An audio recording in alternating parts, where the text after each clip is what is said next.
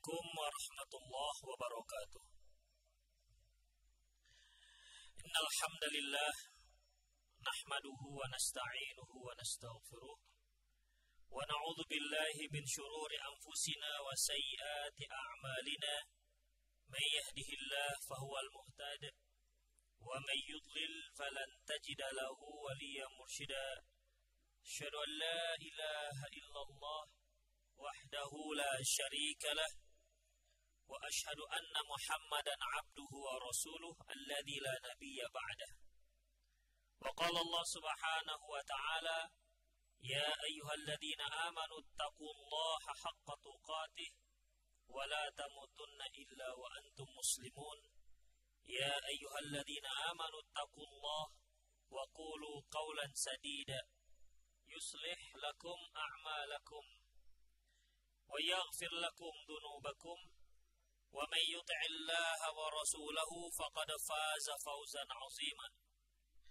يا أيها الناس اتقوا ربكم الذي خلقكم من نفس واحدة وخلق منها زوجها وبث منهما رجالا كثيرا ونساء. واتقوا الله الذي تساءلون به والأرحام. إن الله كان عليكم رقيبا. أما بعد إن أصدق الحديث كتاب الله. وخير الهدي هدي محمد صلى الله عليه وسلم. وشر الأمور محدثاتها وكل محدثة بدعة وكل بدعة ضلالة وكل ضلالة في النار. قال مؤلف الإمام محدث أمير المؤمنين في الحديث البخاري رحمه الله Babu fadli man ala ibnatahu al-mardudah. Bab keutamaan mereka yang menafkahi anaknya yang mardudah. Putrinya yang mardudah. Ikhafidin, yang dikatakan mardudah adalah seorang wanita yang sudah menikah lantas dia dicerai oleh suaminya maka tanggung jawab tersebut kembali kepada orang tuanya. Mardudah kata-kata dari kata mardud yaitu tertolak ditolak artinya kembali. Putrinya yang telah melangsungkan akad pernikahan otomatis tanggung jawab terhadap wanita tersebut berpindah kepada suaminya. Bahkan lebih wajib dia taati ketimbang ayah kandungnya sendiri. Saat seorang wanita sudah menikah maka kewajiban untuk dia taat kepada suaminya lebih diutamakan ketimbang tanggung jawab ketimbang ketaatannya kepada ayah kandungnya sendiri. Apabila terjadi suatu hal yang tak diinginkan hingga terjadilah perceraian. Bahtera yang dikayuh ternyata mau tidak mau harus pecah dan retak. Retak dan pecah. Terbelahlah rumah tangga, terpisahlah antara suami dan istri yang tadinya sudah melangsungkan sebuah perjanjian yang sangat kokoh. Wa akhadna minkum mitsaqan dan kaum wanita telah mengambil dari kalian perjanjian yang sangat kokoh. Yang dimaksudnya adalah akad pernikahan. Jika ternyata bahtera yang di kayu pecah, maka tanggung jawab tanggung jawab si wanita tersebut yang ditalak ataupun yang dicerai suaminya kembali kepada ayahnya. Dan Imam Al-Bukhari membuat satu bab babu fadli man ala ibnatahul mardudata. Bab keutamaan menafkahi uh, seorang anak wanita yang dicerai oleh oleh suaminya mardudah. Anil Mikdam bil Ma'di Karifa. Anil Mikdam bin Ma'di Kariba dari Mikdam bin Al-Ma'di Karib annahu sami'a Rasulullah sallallahu alaihi wasallam. Bahwasanya dia pernah mendengar Rasulullah sallallahu alaihi wasallam yaqul bersabda ma at'amta nafsak fahuwa laka sadaqah. Makanan yang engkau makan maka makanan yang engkau makan ataupun nafkah yang engkau gunakan untuk dirimu sendiri laka sodakoh. Ini merupakan sedekah. Wama ata'amta waladaka fahuwa laka sodakoh. Dan makanan yang engkau berikan kepada anak-anakmu kepada anakmu itu juga termasuk sedekah wama ata'amta zaujaka fahuwalaka sodakoh. Makanan yang engkau berikan kepada istrimu juga termasuk sedekah. Wama ata'amta khadimak fahuwalaka sodakoh. Dan makanan yang engkau suguhkan untuk pembantumu juga termasuk sedekah. Di sini Imam Al-Bukhari rahimahullah memberikan mencantumkan hadis terkait dengan sedekah. Artinya, setiap nafkah yang kita berikan kepada siapa pun, termasuk untuk diri kita sendiri, maka ini merupakan sedekah. Kita makan, itu merupakan sedekah. Kita memberi makan kepada istri, itu sedekah, kepada anak sedekah, kepada pembantu sedekah pada tangga, itu semua termasuk sedekah. Hanya saja ikhwatifidin rahimani Allah wa iyyakum yang perlu digarisbawahi yang namanya orang kafir juga berbuat seperti itu. Semua semua orang juga makan untuk dirinya sendiri. Kalau untuk dirinya sendiri bahkan bukannya sekedar makan, justru dia lebih mengutamakan dirinya ketimbang orang lain. Kalau kita punya uang, kemudian kita makan untuk diri kita, cari-cari makan, pastilah kita akan mencari makanan yang paling enak. Tidak apa-apa mahal, asalkan enak. Tapi coba kita mentraktir orang lain. Kita mentraktir 10 orang lain. Ya tentunya kita mencari yang pas untuk kantong kita. Ya serba 5 ribu lah, serba 10 ribu lah, serba penyet lah, yang serba paket-paket 15 ribu lah. Supaya apa ya? Supaya ya tentunya kita bisa kita bisa memberikan apa yang kita inginkan kepada mereka. Itu juga termasuk sedekah. Ya. Itu termasuk sedekah. Baik. Apakah yang kita makan itu juga sedekah? Kan di sini Rasulullah katakan, "Wa ma ata'amta nafsaka fahuwalaku fahuwalaka sadaqah." apa yang engkau berikan untuk dirimu, makanan yang engkau suguhkan untuk dirimu, itu sedekah. Apakah yang kita berikan kepada diri kita untuk diri kita sedekah semua? Kalau begitu tidak usah bersedekah ke orang lain untuk kita aja. Makan kita makan sendiri. Pakaian kita pakai sendiri. Mobil kita pakai sendiri. Tidak ada kita berikan kepada orang lain. Ngapain kalau itu juga termasuk sedekah? Ikhafidin perlu kita ketahui bahwasanya para ulama mengartikan mengartikan ini semua yang terkait dengan memberikan makan untuk diri kita itu dikatakan sedekah yaitu jika ya jika ini semua disertai dengan niat yang baik dengan niat yang ikhlas dan niat ibadah kepada Allah Subhanahu wa taala. Karena ikhwatifiddin memberikan makan untuk diri kita, semua orang juga begitu. Tapi ketika kita makan, kemudian kita niatkan ya Allah dengan saya makan ini saya bisa melaksanakan tanggung jawab saya sebagai seorang suami yang bertanggung jawab terhadap anak-anak dan istri. Sementara mempertanggungjawabkan anak dan istri merupakan satu hal kewajiban yang diwajibkan oleh Allah. Maka otomatis apa yang dia makan itu menjadi sedekah untuk dirinya. Demikian juga ikhwatiddin kepada sang istri. Orang-orang kafir juga memberi nafkah kepada istri-istrinya. Kepada istri-istri mereka.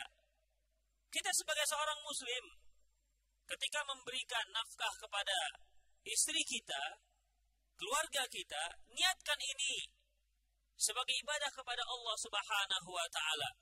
Seorang suami dia keluar rumah untuk mencari nafkah, memenuhi kebutuhan sehari-hari anak dan istrinya, maka dalam masalah ini itu merupakan sedekah.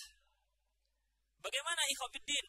Dia niatkan ini merupakan sebuah kewajiban yang Allah berikan kepadanya. Sehingga setiap tanggung jawab dan kewajiban baik suami maupun istri ini semua akan dilaksanakan dalam naungan ibadah kepada Allah Subhanahu wa taala. Sang istri mengurusi rumah. Istri orang kafir juga ngurusin rumahnya. Istri orang kafir juga masak. Istri-istri kita juga masak. Tapi tentunya ikhafidin akan berbeda. Berbeda nilainya. Masaknya istri kita dengan masaknya istri orang kafir. Masaknya istri kita harus kita setting, kita rubah mindsetnya menjadi sebuah ibadah kepada Allah Subhanahu wa taala. Tidak hanya sekedar kewajiban, takut dimarah suami lah, takut dibilang istri nggak nggak nggak becus lah. Bukan dikarenakan itu. Yang pertama yaitu dikarenakan ibadah kepada Allah Subhanahu wa taala. Ketika seorang ibu pulang ke rumahnya, dia lihat rumahnya berantakan, maka yang pertama yang dia bayangkan melihat berantakan tersebut yaitu pahala yang sedang bertumpuk yang disediakan Allah untuk dirinya.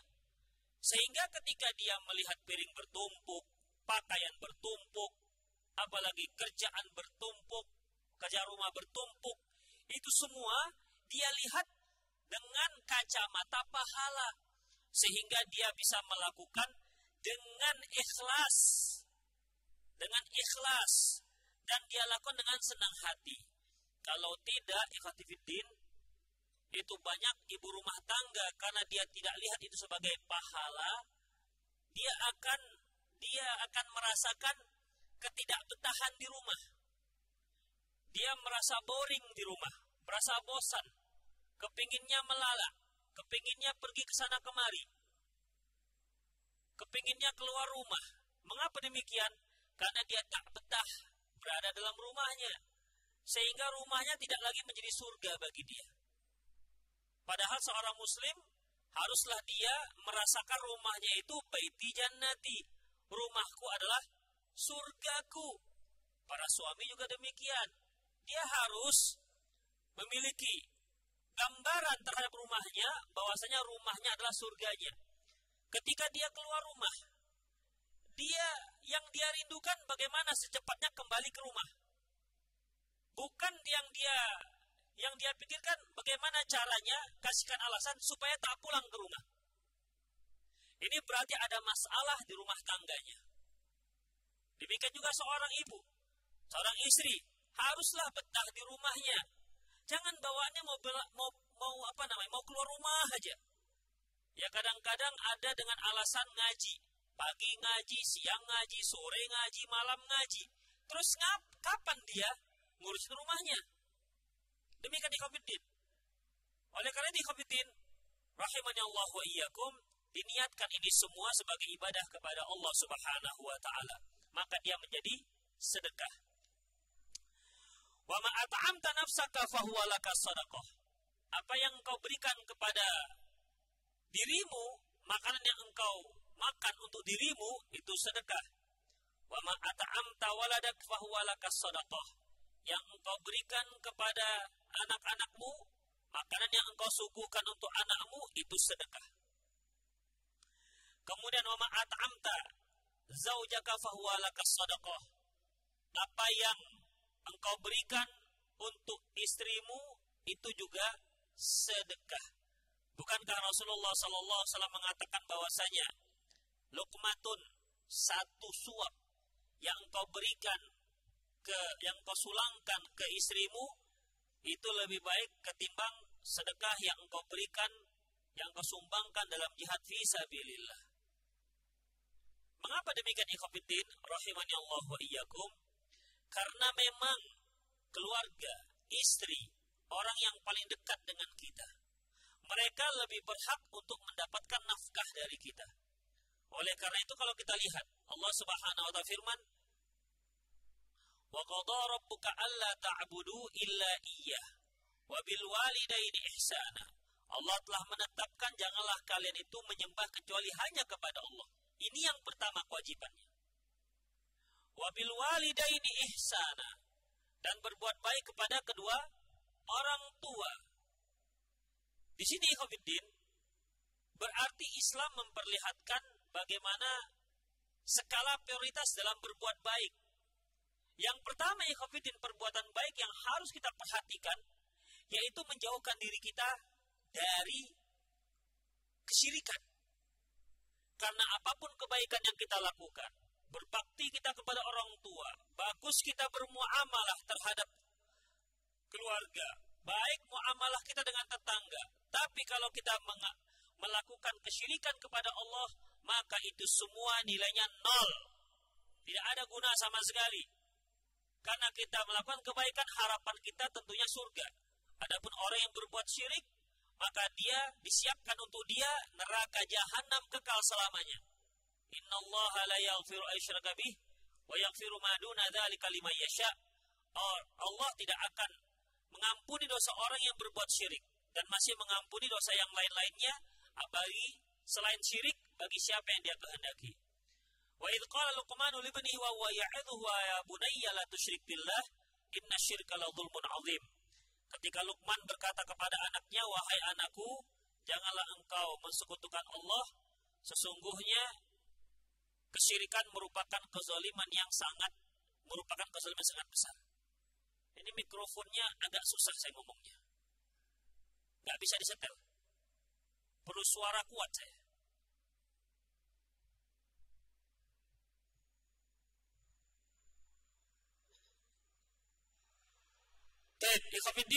Allah wa. Kita lanjutkan. Tadi kita lihat ikhwatiddin. Yang pertama tentunya kita menyembah hanya kepada Allah. Yang kedua, berbakti kepada orang tua. Kemudian siapa lagi yang berhak setelah itu? Yang berhak setelah itu adalah istri kita, keluarga kita. Mereka yang lebih berhak. Kalau kita lihat, perhatikan. Imam Al-Bukhari mengatakan, Fadlu man ala ibnatahul maddudah. Bab keutamaan seorang yang menafkahi menanggung jawabi putrinya yang sudah ditalak oleh suaminya. Perhatikan hadisnya. Ma'ata'amta nafsak fahuwalaka sadaqah. Apa yang kau berikan kepada dirimu itu sedekah. Wa ma'ata'amta waladaka fahuwalaka sadaqah. Wa maya apa yang kau berikan kepada anak laki-lakimu maka dia sedekah. Wa ma'ata'amta zaujaka fahuwalaka sadaqah. Yang makanan yang kau suguhkan untuk istrimu sedekah Wa ma at'amta khadimak, apa yang kau berikan, makanan yang kau suguhkan kepada uh, pembantumu itu sedekah. Fawalaka sedekah. Tak ada disebutkan di sini tentang anak perempuan yang dicerai oleh oleh suaminya. Yang ada untuk diri, untuk anak laki-laki, kemudian untuk anaknya, untuk istrinya, dan untuk khadim, untuk pembantu. Apa hubungan antara hadis dengan bab? Padahal tidak ada disinggung di sini tentang menanggung jawabi seorang putri, seorang anak yang dicerai oleh suaminya.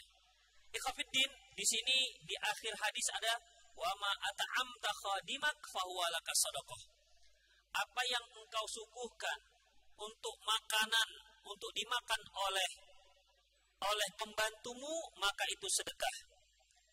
Kalau kita lihat di Ikhwanuddin, tadi telah kita sebutkan bahwasanya yang namanya perbuatan baik itu ada skala prioritas. Ya, ada skala prioritas. siapa yang paling berhak, maka itu yang lebih utamakan, lebih utama kita berikan. Sama seperti seorang istri.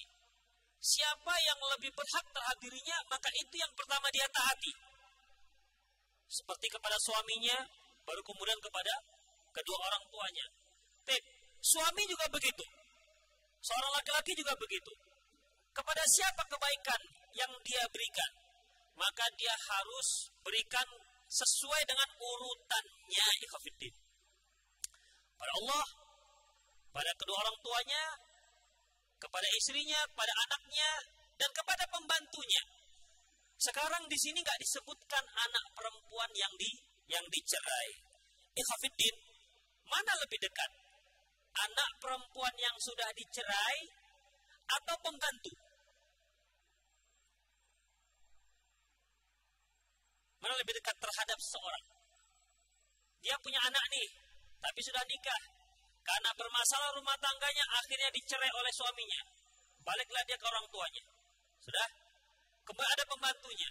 Rasulullah menyebutkan apa yang kau berikan kepada pembantumu itu sedekah. Tapi mana lebih dekat? Seorang anak yang statusnya sudah dicerai oleh suaminya, ataukah pembantu yang dia miliki? Jawabannya, pastilah seorang anak. Jadi artinya Khofiddin, sedangkan pembantu saja kalau kita berikan makan kepada mereka, di mana Rasulullah SAW mengatakan bahwasanya berikanlah pembantumu apa yang kamu mas, apa yang dia masak, walaupun hanya sesuap, walaupun hanya suap. Kenapa? Karena dia setelah memasaknya. Artinya tidak boleh dia memasak, kemudian dia tak kita berikan sedikit pun. Dia yang masak rendang. Tapi dia tidak diizinkan makan rendang. Ini nggak dibolehkan. Dia yang masak gulai ayam. Tapi kita katakan, kamu nggak boleh makan ini. Jadi yang dimakannya apa? Yang tempe lah, yang sayur-sayur saja. Ayam, kamu nggak boleh makan. Demikian di Covid Rahimani Allah wa iyyakum. Terkadang ada majikan-majikan itu yang pelitnya luar biasa ya, yang pelitnya luar biasa. Dia sudah makan ayamnya. Cekernya masih ditanya lagi. Ini cekernya mana ini cekernya? Ya biarlah pembantu yang makan. Kalau yang pelit kali, udahlah pembantu yang makan. Cekernya, kepalanya, kan jarang-jarang kita cari. Apa antum kalau lihat gulai ayam yang pertama antum cari ceker? Ujung-ujung itu biasanya orang tertentu yang makan. Ujung atas dan ujung bawah kepala dan ceker. Makanya kepala itu lebih murah harganya dengan ceker ketimbang tengah-tengahnya. Itu Khofiddin. Baik, udahlah biar dia makan, gak usah tanya-tanya lagi. Seharusnya pun nggak boleh seperti itu. Berikan dia sepotong pahanya lah, dadanya lah, begitu. Tapi kalau seorang majikan yang pelit, Khofiddin, ada saja alasannya. Kepalanya mana ini? Sudah saya makan. Cuman kepala kok pak. Kamu nggak tahu di kepalanya itu banyak vitamin-vitamin. Ya Allah. Ya. Jadi kompetin tentunya bukanlah ini sebagai sikap seorang muslim. Luar biasa yang namanya Islam. Terhadap pembantu pun itu harus punya adab. Ya. Gak boleh dizolimi, gak boleh sembarangan. Disembarangkan yang namanya pembantu. Sampai disebutkan dalam hadis, makanan yang engkau suguhkan untuk membantumu itu sedekah. Jadi jangan kita merasa berkuranglah makan saya kalau dia makan dengan saya. Berkuranglah potongan ayam saya. Berkuranglah potongan ikan saya kalau dia makan. Enggak berkurang ikhwatiddin. Allah jadikan dia sebagai sedekah. Jadi sedekah itu tidak hanya duit. Tidak hanya duit. Memberi makan juga sedekah. Termasuk memberi makan terhadap keluarga itu juga sedekah. Makanya sangat wajar kalau Rasulullah mengatakan idza tazawwajal 'abdu faqad istakmala. Apabila seorang hamba sudah menikah, menikah, dia sudah menyelesaikan setengah agamanya. Sudah menyelesaikan setengah agamanya. Kenapa ikhwatiddin? Dari sisi sedekah saja, yang jomblo-jomblo ini jelas jarang sedekah. Bedanya sudah berumah tangga. Setiap hari dia harus bersedekah. Setiap hari dia dituntut. Bang, uang belanja. Dia kasih. Dengan senang hati. Bukan dengan senang hati. Dengan senang hati dia berikan. Tidak ada merasa tidak ada merasa apa namanya? Tidak ada merasa terpaksa dia ngasih enggak ya Ya. Jadi para suami itu dalam memberikan nafkah kepada keluarganya itu tidak ada yang terpaksa. Tidak ada yang terpaksa. Paling kalau seandainya kurang, aduh gimana ya kurang. Itu dia. Dia berpikir gimana caranya supaya memenuhi kebutuhan keluarganya. Padahal setelah dia cari dari pagi sampai pagi lagi, setelah dia cari, itu dikasihkan ke mana? Ke istrinya, untuk anak istrinya. Kalau dia mau bakhil, ngapain saya cari dari pagi sampai pagi? Sementara saya sendiri makan cuma tiga kali. Selebihnya dimakan oleh anak dan istri. Tidak ada yang berpikir seperti itu, Ikhwanuddin. Para suami-suami itu mencari nafkah, itu diberikan kepada kepada anak dan istrinya. Begitulah tulusnya sang suami. Makanya para jomblo tidak mendapatkan ketulusan ini. Kalaupun dia mentraktir temannya, paling seminggu sekali udah banyak kali tuh. Ya, udah banyak kali. Kalaupun dia mentraktir, mentraktir seorang akhwat, itu modus. Ada udang di balik rempeyek. itu pasti ada tujuannya itu ya Tapi kalau suami memberi nafkah kepada istrinya, itu tidak ada udang di balik batu. Tidak ada udang di balik batu. Itu ikhlas. Silahkan deh, habiskan. Habiskan. Begitu. Besok abang cari lagi. Begitu. Ikhwafiddin. Rahimani Allah wa iyyakum. Makanya sampai sering saya katakan, tugas istri ngabis-ngabiskan, tugas suami menyediakan. Jadi suami menyediakan, anak dan istri kita ngabisin kerjanya. Begitu emang. Antum harus rela, itulah tugas. Dan itu tulus. Ya. Tidak pernah seorang suami protes. Kalian ini cuma ngabis-ngabisin aja kerjanya. Makan banyak, kerja nggak mau. Begitu. Carilah kerja keluar sana. Tidak pernah ya Ya, tidak pernah. Coba antum yang masih bujangan. Udah, yang masih bujangan. Diperlakukan seperti itu. Nggak bisa. Makanya dari sisi itu saja, sudah KU dia, sudah keok. Dengan orang yang sudah menikah. Dari sisi nafkah, belum lagi yang lain-lain. Ketenangan hidup, ya kan? Apalagi namanya uh, kecerahan wajah. Yang jomblo ini kan nggak cerah wajahnya. Tenang, matanya pun santai. Kalau enggak, asik jelalatan aja. Begitu. Bawahnya mau nazor aja. Ayyakum. Jadi dalam masalah ini, ya, Allah Subhanahu Rasulullah mengatakan Wa ma at'amta khadimak. Apa yang kamu suguhkan untuk untuk pembantumu itu sedekah. Untuk pembantu saja itu sudah dianggap sedekah. Bagaimana dengan dengan anak putri kita sendiri yang Allah ternyata bahtera rumah tangganya terpecah sehingga dia harus kembali kepada kedua orang tuanya. Ini juga para akhwat ketika akhwat mencari jodoh janganlah sampai memutus hubungan dengan kedua orang tua. Ya. Terkadang jodohnya, pasangannya dia dapati pacarnya lah, dia dapati hanya di Facebook. Tiga hari berkenalan dibawa lari. Seolah kebaikan orang tuanya selama 20 tahun itu semua pupus hanya dengan bujuk rayu selama tiga hari. Itu pun di Facebook. Gak ngabisi kuota satu giga pun gak habis. Padahal nafkah orang tua yang diberikan pada dia ada berapa giga itu. Kalau, di, kalau diberikan ke pulsa, ke kuota. Demikian COVID dan itu kenyataan. Jadi mintalah restu orang tua. Kalau orang tua nggak restu, bersabarlah sampai dia restu. Tapi Ustadz orang tua saya nggak mau dengan calon suami yang cingkrang-cingkrang. Ya sudah, bersabar. Ya, bersabar. Karena pernikahan itu bukan hanya antara laki dan perempuan, tapi itu menyatukan dua keluarga besar. Itu ikhwatiddin yang harus kita perhatikan. Makanya para akhwat, ya, bersabarlah jika memang orang tua belum setuju. Karena di samping orang tua nggak bisa memaksa, anti juga nggak bisa memaksa orang tua. Bersabarlah sampai Allah Subhanahu wa taala membukakan membukakan hati kedua orang tua. Itu ikhwatiddin. Kenapa? Karena kalau terjadi apa-apa dengan seorang akhwat, seorang perempuan, seorang istri, misalnya di ditalak oleh suaminya, maka dia kembalinya ke mana? Ke orang tua. Demikian ikhwatiddin. Dan berapa banyak itu kejadian. Seorang perempuan, seorang akhwat, tak peduli dia dengan orang tuanya, dengan ibunya. Dia terpikat oleh seorang pemuda, terpesona oleh ketampanan seorang pemuda yang dianggapnya gantengnya luar biasa. Sehingga dia menikah di kota lain tanpa mempedulikan orang tuanya. Akhirnya bermasalah. Ke mana dia lari? Dia akan kembali kepada keluarganya, ikhwafiddin. Akan kembali kepada ibunya. Akan kembali kepada ayahnya. Makanya jangan abaikan orang tua. Di saat kita senang, ingat orang tua.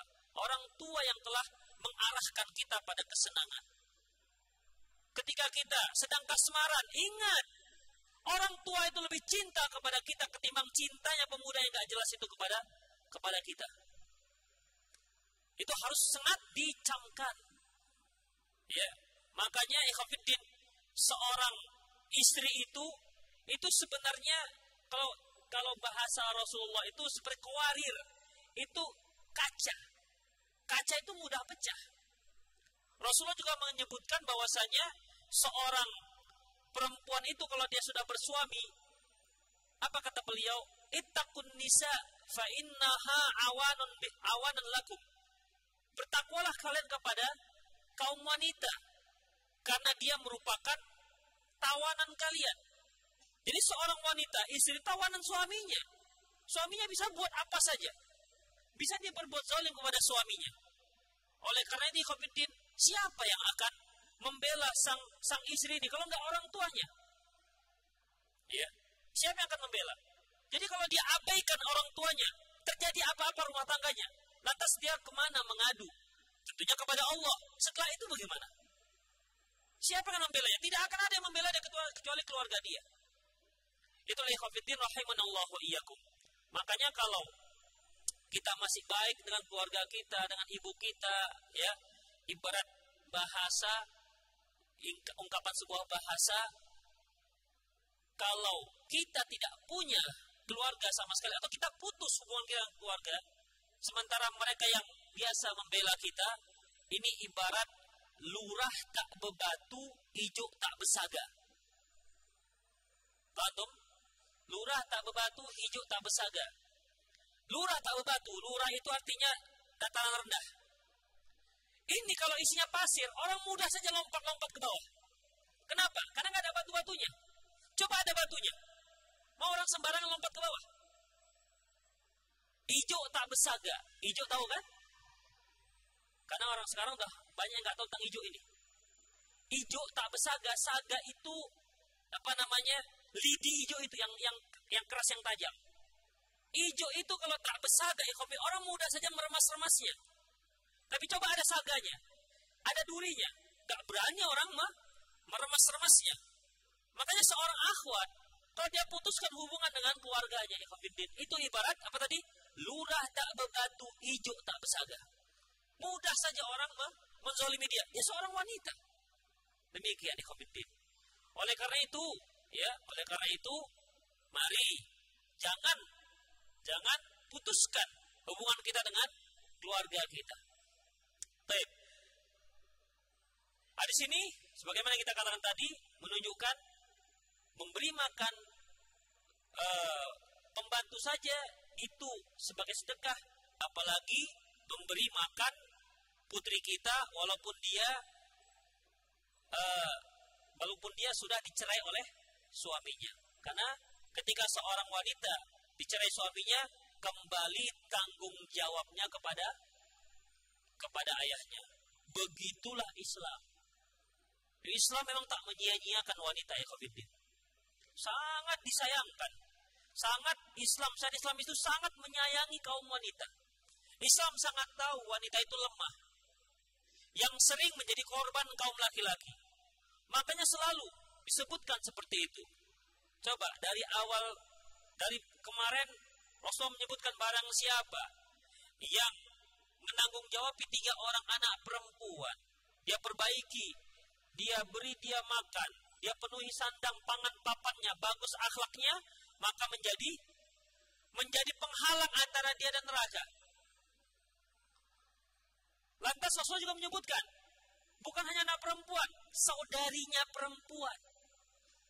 Karena kan kecenderungan kita, kalau kita sudah punya anak, punya istri, lantas dengan kakak dan adik kita yang perempuan sudah nggak begitu peduli ya kan? Karena sibuk dengan keluarga. Rasulullah katakan lagi, memang ini, memang kamu sudah punya istri, sudah punya anak. Tapi ingat, dia kakakmu, kakak perempuanmu, adik perempuanmu, dia itu wanita. Ya, dia itu wanita. Rasulullah katakan lagi, barang siapa yang memiliki tiga orang anak perempuan atau tiga saudari perempuan, fayuhsinu ilaihinna, kemudian bagus sikapnya kepada mereka, illa dakhalal jannah, kecuali orang yang masuk surga. Itu keutamaan bersikap baik terhadap kaum wanita, ikhafidin. Apalagi mereka adalah keluarga-keluarga terdekat kita. Anak kita yang terdekat pada kita. Saudari-saudari kita, kakak-kakak kita yang perempuan, itu orang yang terdekat dengan kita. Itulah ikhafidin, rahimani Allahu wa iyyakum. Baik. Kemudian babul walad al-mubkhilah wal mujbinah. Bab anak itu membuat seseorang menjadi bakhil dan membuat seorang menjadi pengecut. Berapa banyak seorang banker, pegawai bank konvensional yang dia tahu itu riba, dosa yang paling kecil dari riba seperti seperti berzina dengan ibu kandung sendiri. Tapi dia belum berani meninggalkan itu kenapa? Apa yang diingatnya? Anakku, istriku mau makan apa nanti? Itu yang COVID. Sehingga dia menjadi orang pengecut. Seolah bank itu yang memberi dia makan. Seolah bank itu yang menjamin menjamin hari depan dia, anak dan istrinya. Pengecut ya COVID. Ya, coba dia sendiri kalau dia belum menikah, gampang dia. Udah, dia riset kenapa? Aku bawa diriku sendiri. Tapi ketika ada buntut di belakang dia, ada tanggung jawab dia, dia mulai berpikir, anak saya nanti gimana? Istri saya gimana? Karena apa ya? Umumnya seorang itu sangat cinta dengan istri dan anaknya. Jadi dia mikir, ini kalau saya, biasanya gaji saya kalau saya menjadi pegawai bank, gaji saya 15 juta satu bulan, kemudian saya keluar, kemudian saya tidak tahu tak kerja apa, akhirnya menjadi 2 juta, 3 juta. Ini gimana anak dan istri saya? Ya begitulah, mau bagaimana lagi? Harus dijalankan. Jangan takut di covid Makanya banyak juga para ikhwan yang dia tahu sudah hukum kerja di bank konvensional, gak jadi keluar gara-gara istri. Bang, janganlah keluar bang. Kenapa deh? Rumah kita kredit. Apalagi kendaraan kita kredit. Tas awak ini juga kredit. Semua kredit. Terus kita makan apa bang? udah terbiasa touchscreen kalau makan, dia touchscreen, pagi pergi ke warung, tit, tit, tit, keluar lontong, keluar apa semua. Siang nanti begitu juga ke warung Padang, tinggal tit, tit, tit, malam ke mana? Ke kafe. Tinggal touchscreen saja. Sekali ini terpaksa dia masak, mikirlah nanti gimana kalau untuk perawatan kulit bang? Nggak halus lagi lah nanti tangan awak ini. Terus komedo-komedo awak ini yang harus dikeluarkan setiap sta, setiap apa namanya setiap sebulan sekali di mana? Besar nanti komedo-komedonya bang. Terus gimana kalau kolagen-kolagennya sudah berkurang? Masya Allah. ya cepat tua lah. Nanti kalau awak cepat tua bang nanti berpaling kepada yang lain. Itu setan semua yang bisikan. Ya, setan semua bisikan. Biasanya naik mobil, dari rumah AC, masuk mobil AC, turun mobil masuk mall AC. Ini gimana? Pakai AC dijual, kenapa? Gak sanggup bayar listrik. Yang tadinya ke mall kalau belanja, terpaksa ke pasar tradisional, bau ikan, bau udang semua, bau parek di situ. Terpaksa pakai sepatu ikan. Yang tadinya pakai high heel kan. Semua menurun semua. Terpikirlah itu semua. Masya Allah, ini gimana? Sanggup gak ini? Sanggup gak? Udahlah bang, gak usah. Ar-rajulu Al-waladu mubkhilah wal mujmi uh, wa mujbinah. Anak itu bisa membuat orang itu menjadi bakhil dan bisa membuat orang menjadi menjadi pengecut. Kenapa bakhil ikhwatiddin? Terkadang kita ingin membantu seseorang, tapi kita mikir anak saya nanti gimana jajannya, begitu, ya kan? Anak saya gimana jajannya? Terus anak saya ini makan apa? Anak saya begini dulu gitu. Jadilah dia menjadi bakhil tak mau berinfak. Orang ikhwafiddin, kalau untuk anaknya, kalau untuk anaknya, untuk anaknya sekolah, itu Masya Allah. Berapa saja, apalagi kalau anaknya berprestasi. Berapa saja, nak, selama bapak masih kuat, sekolah tinggi-tinggi ya nak. Itu dia. Itu kalau sekolah umum. Kalau sekolah agama, Masya Allah. Ya, diskon kurang diskon. Korting kurang korting. Sempat ada yang nanya saya, dan itu sering. Ustadz, anak saya mau mau kuliah Ustadz. Di mana yang gratis? Belum pernah ada yang nelpon saya, Ustadz, anak saya mau kedokteran, di mana yang gratis? Belum ada. Anak saya mau masuk politeknik, di mana yang gratis? Belum ada. Tapi kalau nanya pesantren gratis, kuliah agama gratis itu banyak. Ustadz ada ada maaf. Ya, emang kenapa? Ada yang gratis. ada jatah gratis ya? Begitu ikhwafiddin. Jadi bakil kalau untuk masalah agama. Makanya kalau kita undang guru untuk ngaji, itu kan berhitung. Coba yang undang guru yang bahasa Inggris, yang privat bahasa Inggris, yang dibaca beda huruf dengan yang dibaca. George, George, kan udah beda itu ikhwafiddin. Artinya kan susah ngajarkannya. Susah ngajarkannya. Ya. Well, come. Susah ngajarkannya. Kenapa begitu cara bacanya? Padahal kalau kita mengajarkan Al-Quran lebih berkah, ya, dan ini adalah agama Islam, selalu biayanya lebih rendah. Itu dia. Selalu biayanya lebih lebih rendah. Alasannya apa? Kalau ustadz itu lillahi ta'ala. Memang kalau privat lillahi apa ya? Li, seton rupanya. Kan tidak ikhwafiddin. Tapi begitulah nasib kita ikhwafiddin.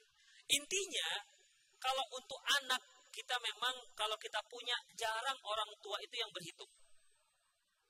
Tapi itulah yang menyebabkan dia akhirnya tidak mau berinfak ke yang lain.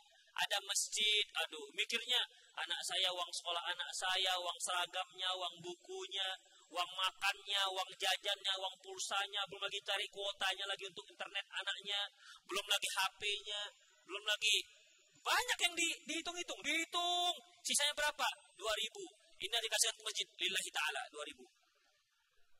Menjadi pelit. Dan itu nggak bisa kita pungkiri, Khafidin.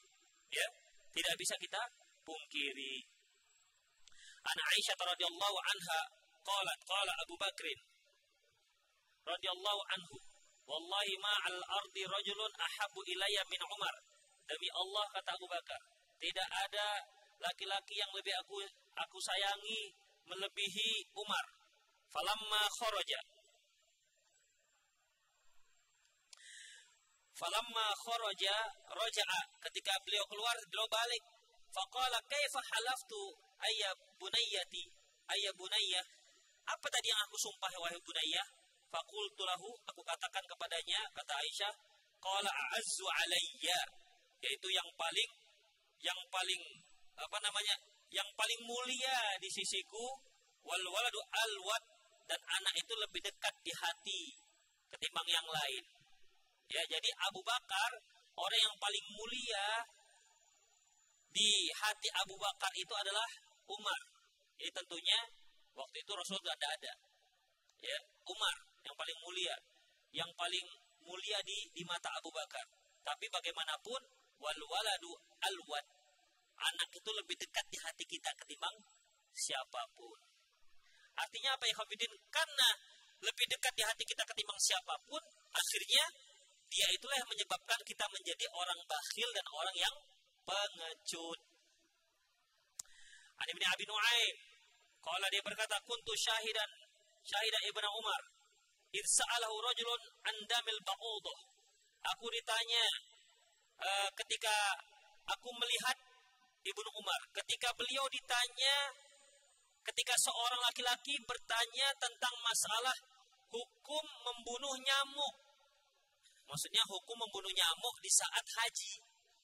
Kan orang berihram ya, orang berihram, kemudian dia berada di lingkungan haram, di antaranya kan nggak boleh membunuh membunuh binatang buruan. Makanya kalau kita lihat baik di Madinah maupun di Mekah, itu tidak ada orang yang mengusik-ngusik burung merpati di situ. Burung merpati bebas luar biasa. Bahkan saya pernah mengusiknya.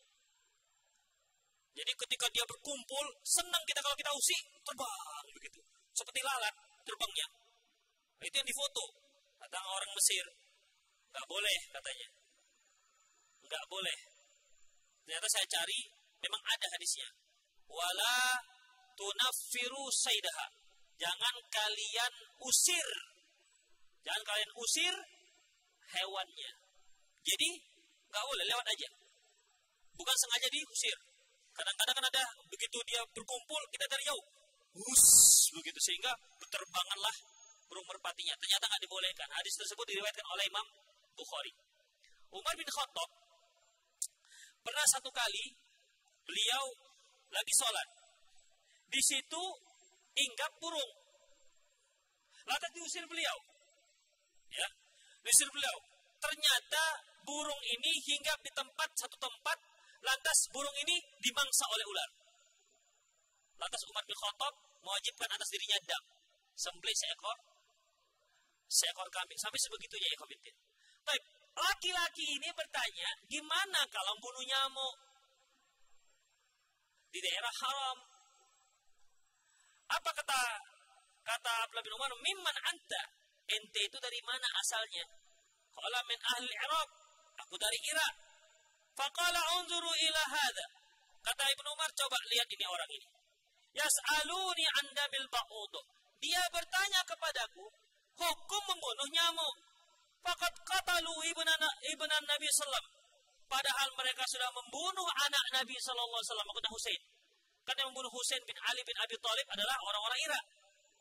Mereka ditanya hukum bunuh nyamuk. Seharusnya ditanyanya apa hukum bunuh cucu Rasulullah.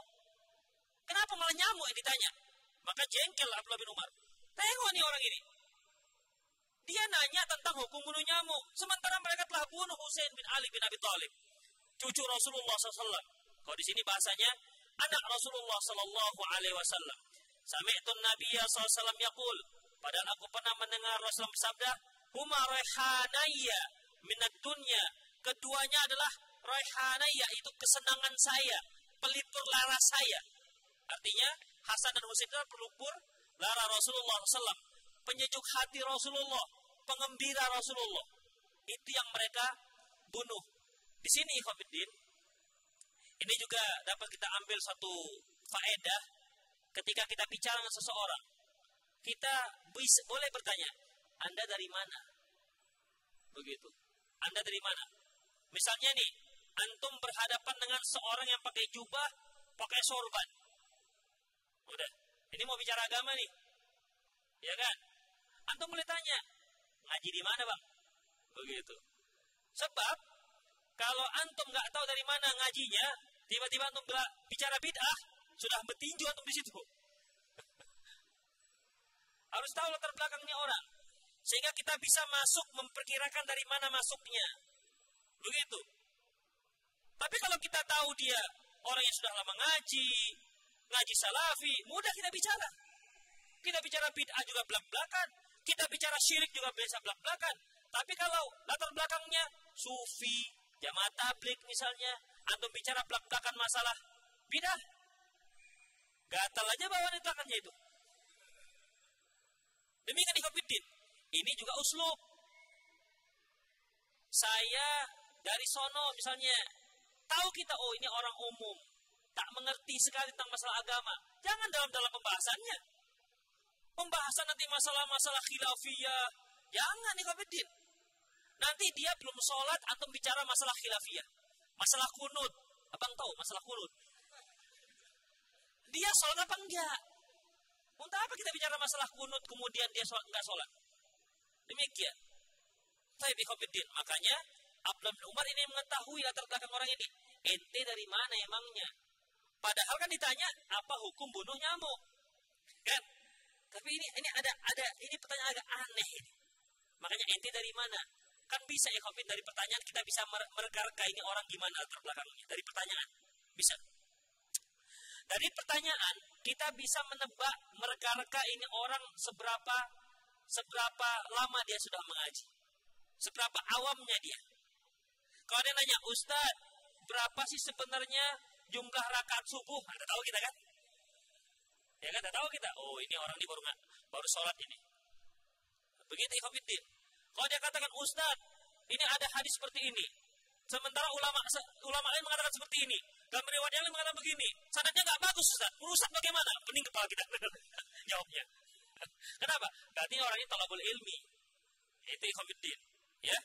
Jadi Abdullah bin Umar menanya, Anda dari mana?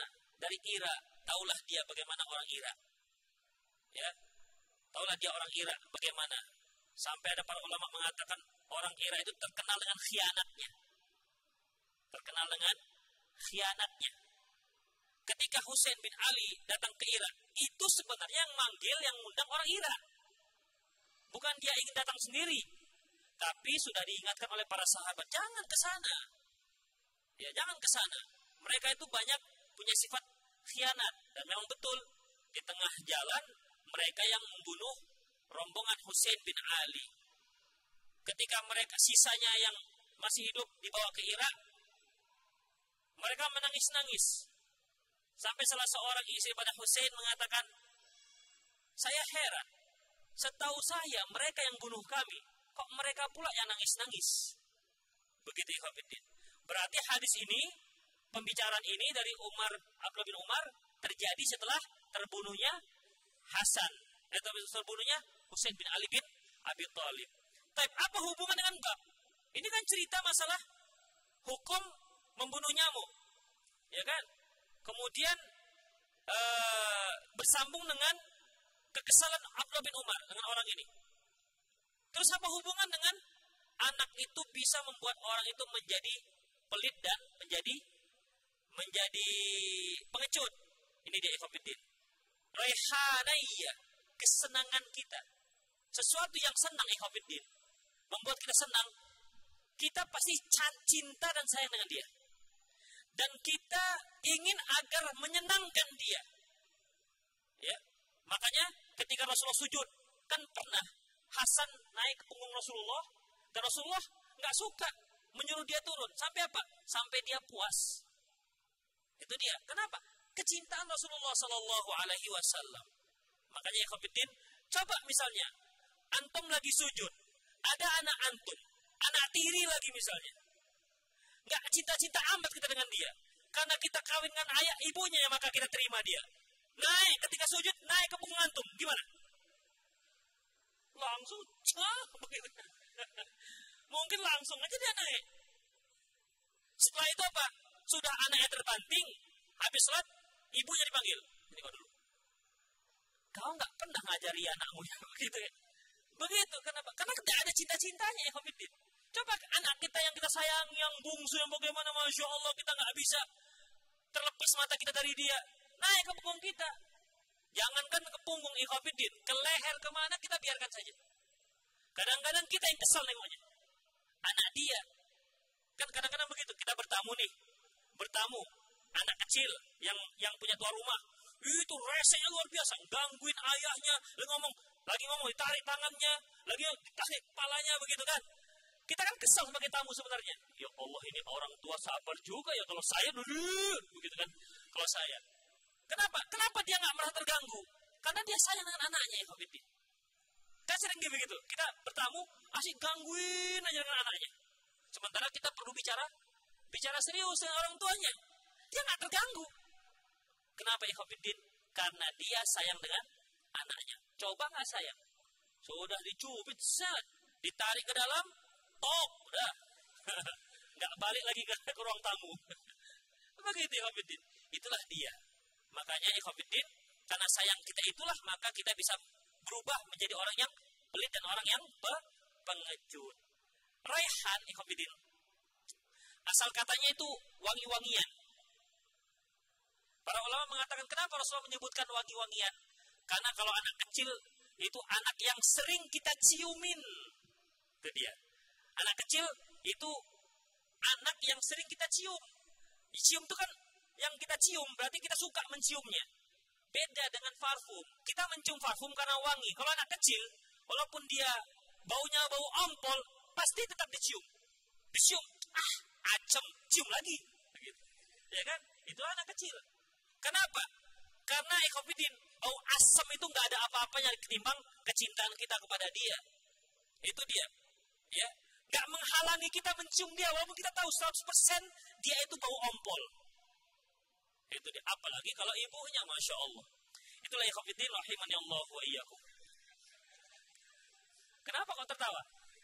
Maksudnya ibunya lebih sayang kepada anaknya. Itu ceritanya. Antum. Iya, tadi maksud saya begitu, nggak nggak nggak nggak yang seperti antum bayangkan. Begitulah ya kafirin rahimallahu iyyakum. Kemudian di sini babu sobi ala babu hamli sobi ala atik bab menggendong anak di atas pundak. bab menggendong anak di atas pundak. Ini apa pula hukumnya nanti kita bahas. Dan apa pula prinsip-prinsip Islam yang ada di sini? Apa? Memang perlu kali dibahas menggendong anak di atas pundak. Insya Allah perlu. Ya, demikian. Kulu qawli hadza wa astaghfirullah li wa lakum wa muslimin innahu wal ghafur Antum yang bertanya silahkan melalui nomor yang sudah biasa. Berapa nomornya? 0859 Berapa lagi? 6113 2 7 7 7 8 Ya silakan Yang mau nulis juga boleh silakan.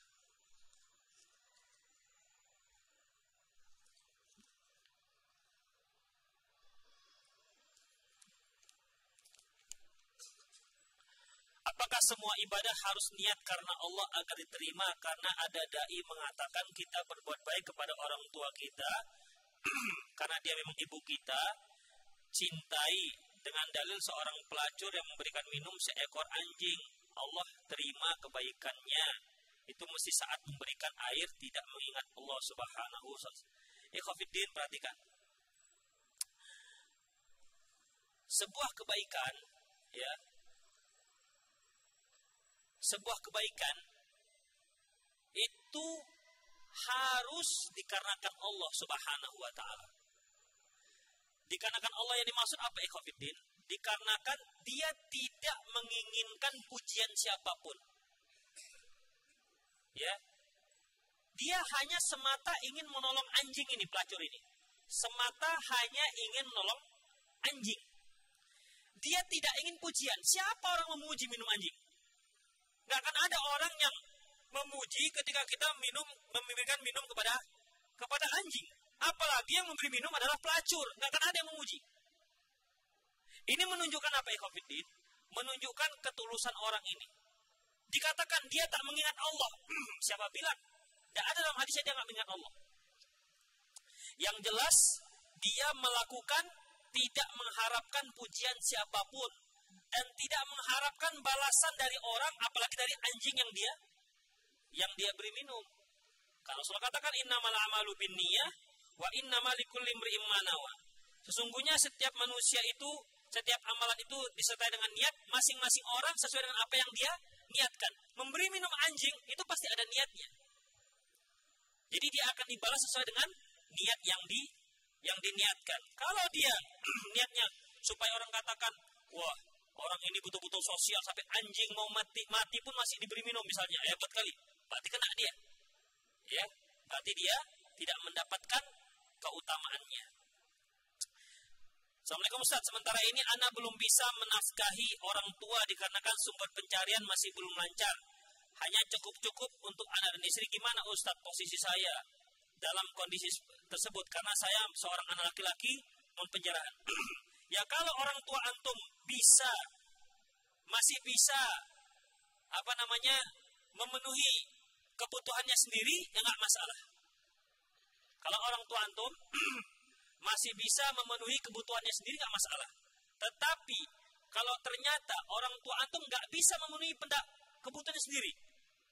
Maka nafkah yang antum dapat dibagi untuk orang tua.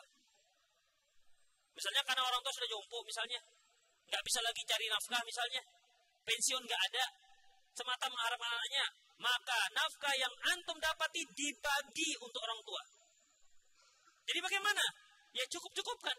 Kan pernah saya, sering saya singgung, dunia itu ikhwafiddin, tinggal setelan kita bagaimana.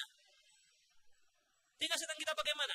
Nggak bisa kita makan daging, kita makan makan ikan, nggak bisa makan ikan, cari ikan kan ada ikan mahal dari mulai kakap, tongkol, tongkol, tong, tongkol sisi, tongkol apa lagi, kemudian sampai kepada ikan sepat, ikan apa semua. Udah, nggak bisa juga ya sudah ikan ikan asin krese itu aja. Yang biasanya dengan urap, udah nggak bisa juga. Telur bagi empat, seperempat untuk antum, seperempat untuk istri, dua lagi untuk tambuh. Bisa, Insya Allah bisa ya Kopidin. Yang penting nasinya banyak. Banyakkan kecapnya. Begitu bisa. Enggak sanggup juga Ustaz. Udah makan nasi aja kalau Masya Allah. Kalau kita memang enggak sanggup Ikhwafidin beli apa pun. Hanya sanggup beli beras. Nasi pakai garam itu pun lezatnya luar biasa. Yakinlah itu. Lezat luar biasa.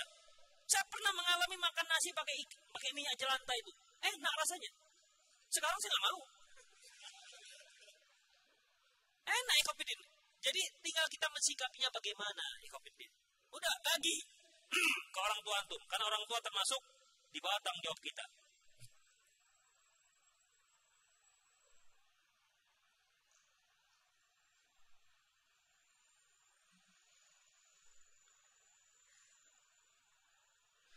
Bagaimana tips menghafal hadis dan riwayatnya agar tidak lupa terkhusus di bidang ekonomi Islam?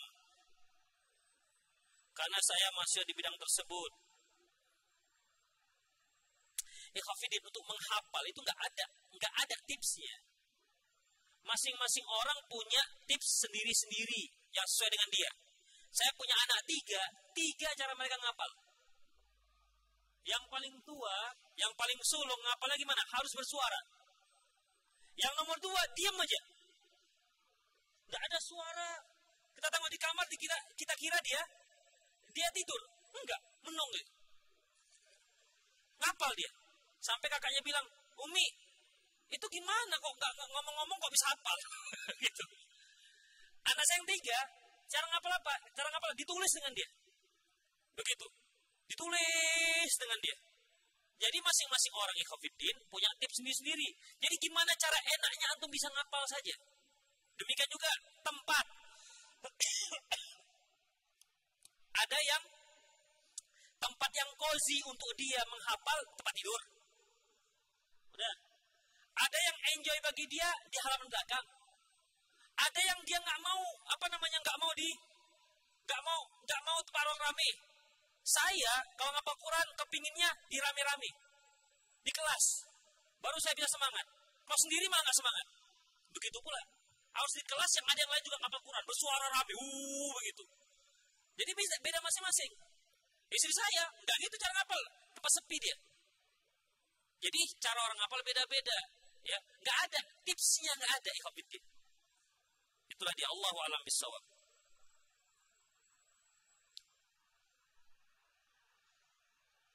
Assalamualaikum Ustaz. Apa hukumnya seorang pengacara yang melakukan pembelaan terhadap bank konvensional maupun syariah yang ada di Indonesia? Antum tahu sendirilah kalau seperti ini jawabannya, nggak usah tanya lagi.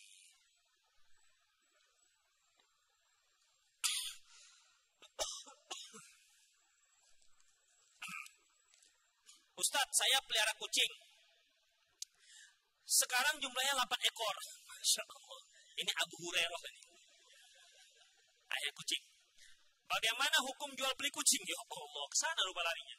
Saya kira ikhlas sekali dia meliharanya. Gak boleh jual beli kucing, haram hukumnya. Walaupun kucing anggora lah, kucing yang tak berbulu itulah. Ya, kucing gak boleh. Rasulullah gak membolehkan jual beli kucing. Titik.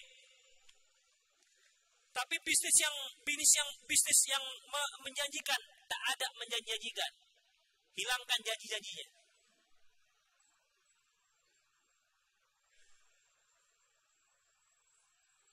Ustadz, dua minggu, dua minggu belum memberikan uang belanja kepada istri saya. Usaha saya lagi sepi, usaha terancam tutup. Saya mencoba berhutang kepada orang tua, teman pinjam halal tidak dapat. Saya mau menggadaikan harta saya, tapi gadainya masih ada unsur riba. Apakah ada keadaan darurat membolehkan untuk pinjaman yang ada riba darurat? Eh. Ingat, Khafiddin. Kita itu tak perlu kerja tetap. Yang penting tetap bekerja. Bekerja itu tidak harus di kantor menjadi pegawai. Ini yang sering bermasalah. Antum ambil plastik asoy di tempat grosirnya, antum ecerkan di pasar. Bu, gopek bu, gopek bu, dapat. Apalagi kompetitif? Jual apa lagi? Antum kutipin botol-botol aqua itu, kutip yang di jalan dapat duit. Ustaz, saya S2 masa ngutipin es bot, botol aqua. Itulah masalahnya. Itu masalah lo, bukan masalah gue. hilangkan gengsi, Khafiddin. Hilangkan gengsi. Saya pernah jual roti donat. Empat hari saya jualan. Banyak pelanggan saya. Empat hari saya jualan, seminggu saya sakit. seminggu saya sakit. Kemudian seteleng jam, servis jam di kaki lima, sambung lala. Makan juga Alhamdulillah. Bahkan kalau sudah sampai target, libur. Begitu, libur jalan-jalan. Sekarang malah nggak ada waktu jalan-jalannya. Dulu masih ada waktu jalan-jalan, padahal servis jam. Kadang-kadang servis jam, jam Seiko yang apa itu, yang otomatis, udah, itu kalau dibersihkan 20 ribu. Dapat 20, Masya Allah, bawa 20 ribu pulang ke rumah.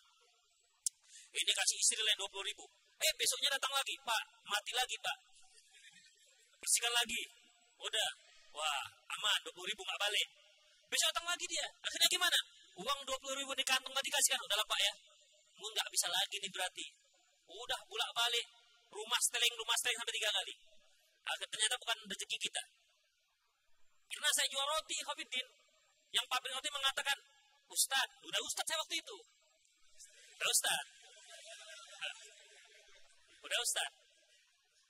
Ustaz, ini ada dua roti untuk Umi di rumah. Insya Allah, saya masukkan. Eh, saya waktu itu pakai uh, Vespa.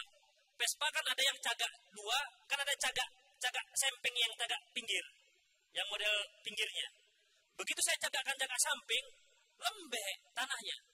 Menggelimpang, roti yang untuk istri saya itu masuk paret. Itu pun masuk paret. Ya Allah, dua roti kasih pabrik sok paret. Ceritalah sendiri cerita. Tadi ada roti mau sok paret. Begitu, Ikhwanuddin. Nikmati saja. Rambut gondrong. Kenapa? Gak sempat pangkas, gak punya duit tuh pangkas. Tapi nikmati aja Ikhwanuddin. Itu dia. Jual sedotan sampai ke sawit seberang sana. Sedotan, sedotan. Dapat 50 ribu satu hari, senangnya luar biasa. Itu paling maksimal 50 ribu itu. 20 ribu bawa ke rumah itu udah senang sekali Khafidin. Tahun 2001 sampai 2005 itu. Luar biasa. Jadi Khafidin yang penting kita kerja. Istri pun dipahamkan, dek. Yang penting abang bawa duit. Yang penting kerja. Masalah hasil serahkan kepada Allah. Insya Allah aman Khafidin. Aman. Waktu itu sewa rumah satu tahun 350 ribu. Itu dia. Sekarang rumah itu setahun 5 juta setengah. Bisa. Alhamdulillah antum lihat hidup kan saya kan? Hidup kan sekarang kan? Antum kira apa ini sekarang ini? Jin. Hidup sampai sekarang. Jadi artinya kerja aja apa yang bisa. Jangan bengong.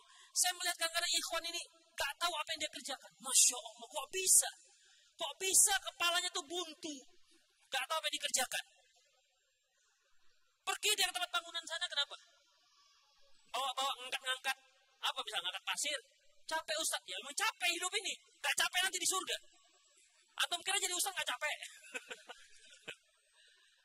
jadi Khafidin, kerjalah Khafidin kerja. Jangan buntu. Jangan maunya jadi jadi pegawai. Kalau kalian pegawai, banyak sekali saingannya. Antum S1 gak sampai. SMA lulus percobaan. Mau bersaing S1, S2, S3? Kalah lah. Belum lagi masuk nanti mereka main sogak-sogok. Kita mau murni. Kepandaian kita pas-pasan. Jadi Khafidin, bekerja banyak yang bisa dikerjakan. Banyak ikhwatiddin jadi itu dia ya. Tidak boleh pertahankan. Jangan masuk pada daerah yang diharamkan oleh Allah.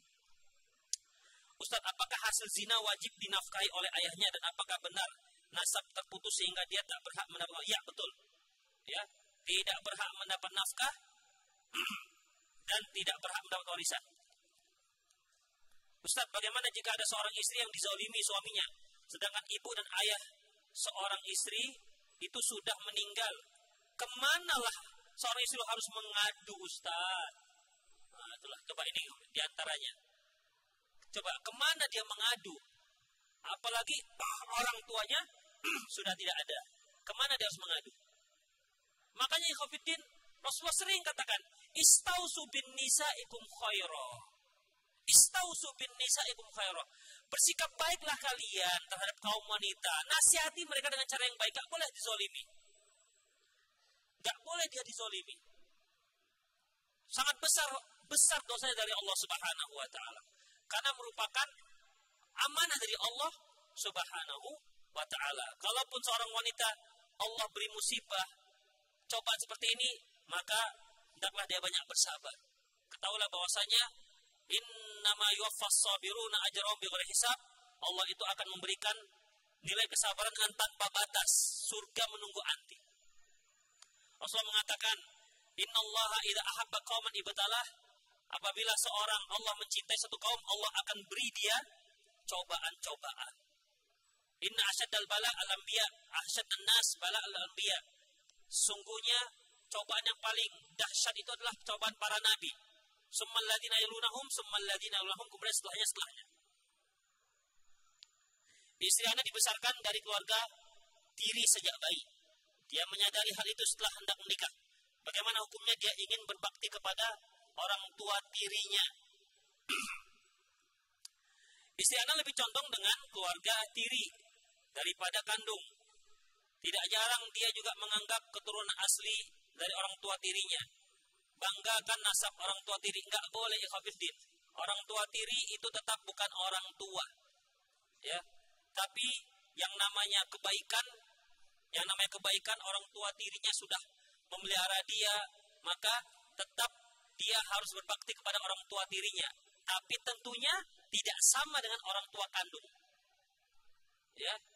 Orang tua kandung lebih berhak terhadap anaknya ketimbang orang tua tiri kita.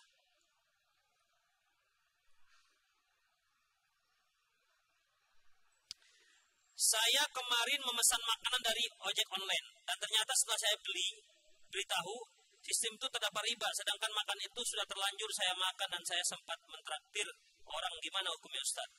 Ya kalau saya terlanjur nggak apa-apa. Namanya juga terlanjur. Dalam Islam tuh mudah ya Terlanjur nggak? Tapi yang sering terlanjur ya. Terlanjur, bisa terlanjur.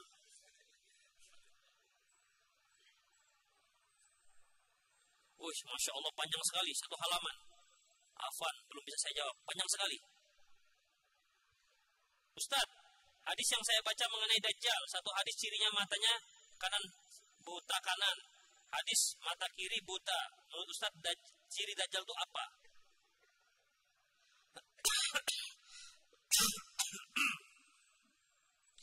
Emang ada yang kanan ya? Satu hadis cirinya mata kanan buta, satu hadis mata kirinya buta. Allah alam bisawab setahu saya mata kiri matanya rusak ya. Satu matanya rusak kemudian matanya tersebut keluar itu bagaikan bagaikan anggur. Dan matanya itu bersinar. Itu dia Khofiddin Rasulullah katakan inna dajjal a'warun. Dajjal itu matanya rusak. Walai buka bi awar dan Tuhan kalian matanya nggak rusak. Demikian ikhwafidin sudah jam 6 kurang 10 ya. Ya semoga bermanfaat. Aku qauli hadza wa astaghfirullah li wa lakum bersama muslimin innal ghafurur rahim. Subhanakallahumma wa bihamdik asyhadu an la ilaha illa anta astaghfiruka wa atubu ilaik. Wa akhiru da'wana alhamdulillahi alamin. Assalamualaikum warahmatullahi wabarakatuh.